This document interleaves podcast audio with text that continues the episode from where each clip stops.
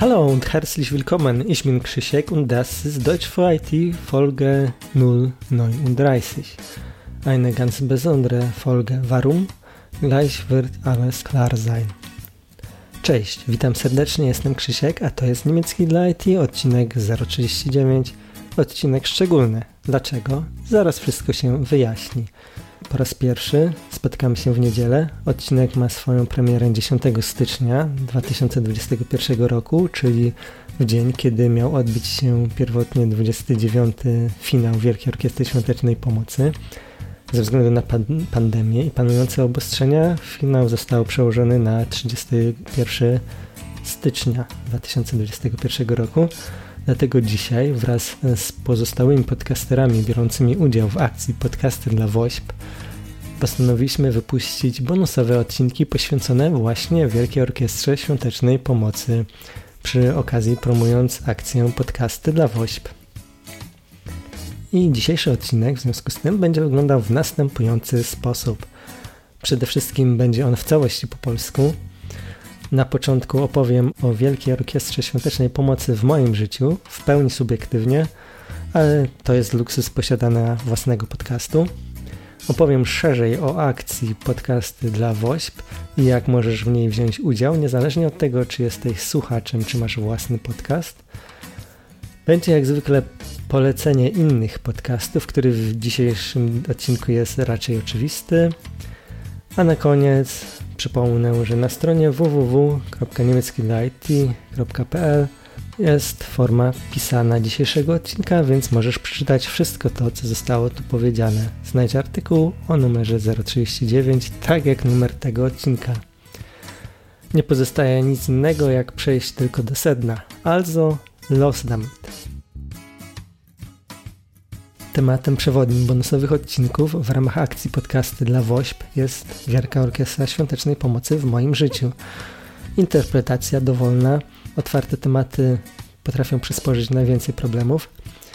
Zastanawiałem się nad moją stycznością z Wielką Orkiestrą Świątecznej Pomocy, czy mam jedną taką historię, która zajmie cały odcinek i będzie esencją działalności Wielkiej Orkiestry Świątecznej Pomocy, jednak postanowiłem podejść do tematu dość przekrojowo. Przede wszystkim to, co moim zdaniem najistotniejsze, to fakt, że Wielka Orkiestra Świątecznej Pomocy działa nieprzerwanie od 1993 roku. To znaczy, pierwszy finał odbył się 3 stycznia 1993 roku. Tematem finału były choroby serca najmłodszych pacjentów. Zebrano nieco ponad 1,5 miliona dolarów amerykańskich. Biorąc pod uwagę, że wolny rynek dopiero co wrócił do Polski, wynik był fenomenalny. Byłem wtedy w drugiej klasie podstawówki. Nic dziwnego, że mam wrażenie, że Wielka Orkiestra Świątecznej Pomocy gra od zawsze.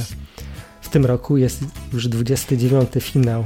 Od 1993 roku nie było ani jednej luki. Orkiestra gra rok w rok. Jak już wspomniałem, uważam to za największy fenomen i sukces Wielkiej Orkiestry Świątecznej Pomocy. Hasło gramy do końca świata i o jeden dzień dłużej zobowiązuje i kibicuję, aby to się udało. Nie zawsze wszystko sprzyjało Wielkiej Orkiestrze Świątecznej Pomocy, ale do trudności zapewne jeszcze dojdę w tym odcinku. Przyznać się muszę, że nigdy nie byłem wolontariuszem WOŚP, nie chodziłem z puszką, gdy orkiestra zaczynała, uważałem, że jestem za młody. Poza tym nie miałem nawyku uczestniczenia w czymkolwiek jako wolontariusz. Najzwyczajniej nie przyszło mi to na myśl w liceum. Co prawda robiłem za obstawę dla koleżanek, które chodziły z puszkami. Mimo mrozu było to bardzo fajne przeżycie. Gdy poszliśmy do banku oddać puszki, zobaczyłem ten tłum ludzi i to dało mi do myślenia, jaka jest skala przedsięwzięcia. Niby wiadomo, że akcja jest spora, sięga poza granicą naszego kraju, że trzeba wiele rzeczy zgrać, promocję, wolontariuszy, media. Jednak dopiero jak wszedłem tam do banku i zobaczyłem proces oddawania puszek, uświadomiło mi, e, że to co widać to tylko wierzchołek góry lodowej. Jest to kolejny element w akcji WOŚP, który robi na mnie bardzo duże wrażenie. Następna sprawa to fakt, że finały WOŚP od dawna wyszły za granicę Polski. Nie szukając daleko, ta akcja Podcasty dla WOŚP została zaproponowana przez Niuniu, który na co dzień mieszka i pracuje w Norwegii. Niuniu od wielu lat wspiera sztab orkiestry w Oslo i cały dzień śmiga i nawija na scenie, aby zachęcić ludzi do wsparcia. To właśnie przez jego przyzwyczajenie do wspierania Wielkiej Orkiestry Świątecznej Pomocy i brak możliwości organizowania tradycyjnych wydarzeń sprawił, że powstała nasza podcastowa akcja wsparcia dla Wielkiej Orkiestry Świątecznej Pomocy. Ale chciałem powiedzieć o międzynarodowym wymiarze finałów WOŚP. Zdanie cały Zachód nam zazdrości ostatnio strasznie się wyświechtało, jednak w tym przypadku jest ono uzasadnione. Słyszałem wiele wypowiedzi osób z zagranicy, że są pod wrażeniem, że taka oddolna akcja jest teraz organizowana na całym świecie, właściwie na każdym kontynencie. W tym roku do najbardziej egzotycznych sztabów w mojej ocenie należy Tanzania w Afryce, Jordania, Meksyk, Singapur, Tajlandia czy Wietnam. Prywatnie jestem zwolennikiem oddolnych akcji, bo muszą być one racjonalnie organizowane. Trzeba przekonać innych ludzi do słuszności akcji w przeciwieństwie do akcji odgórnych, gdzie jest centralne zarządzenie, którego sens nierzadko nie jest w ogóle weryfikowany. Jest to też realna pomoc dla ludzi, przede wszystkim dla dzieci.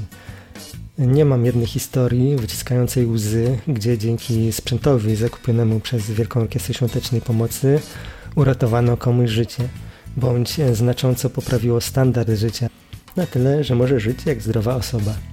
Takich osób jest wiele, znam ich kilka, ale wystarczy wejść na oddział pediatryczny w dowolnym szpitalu, żeby zobaczyć sprzęt finansowany przez orkiestrę.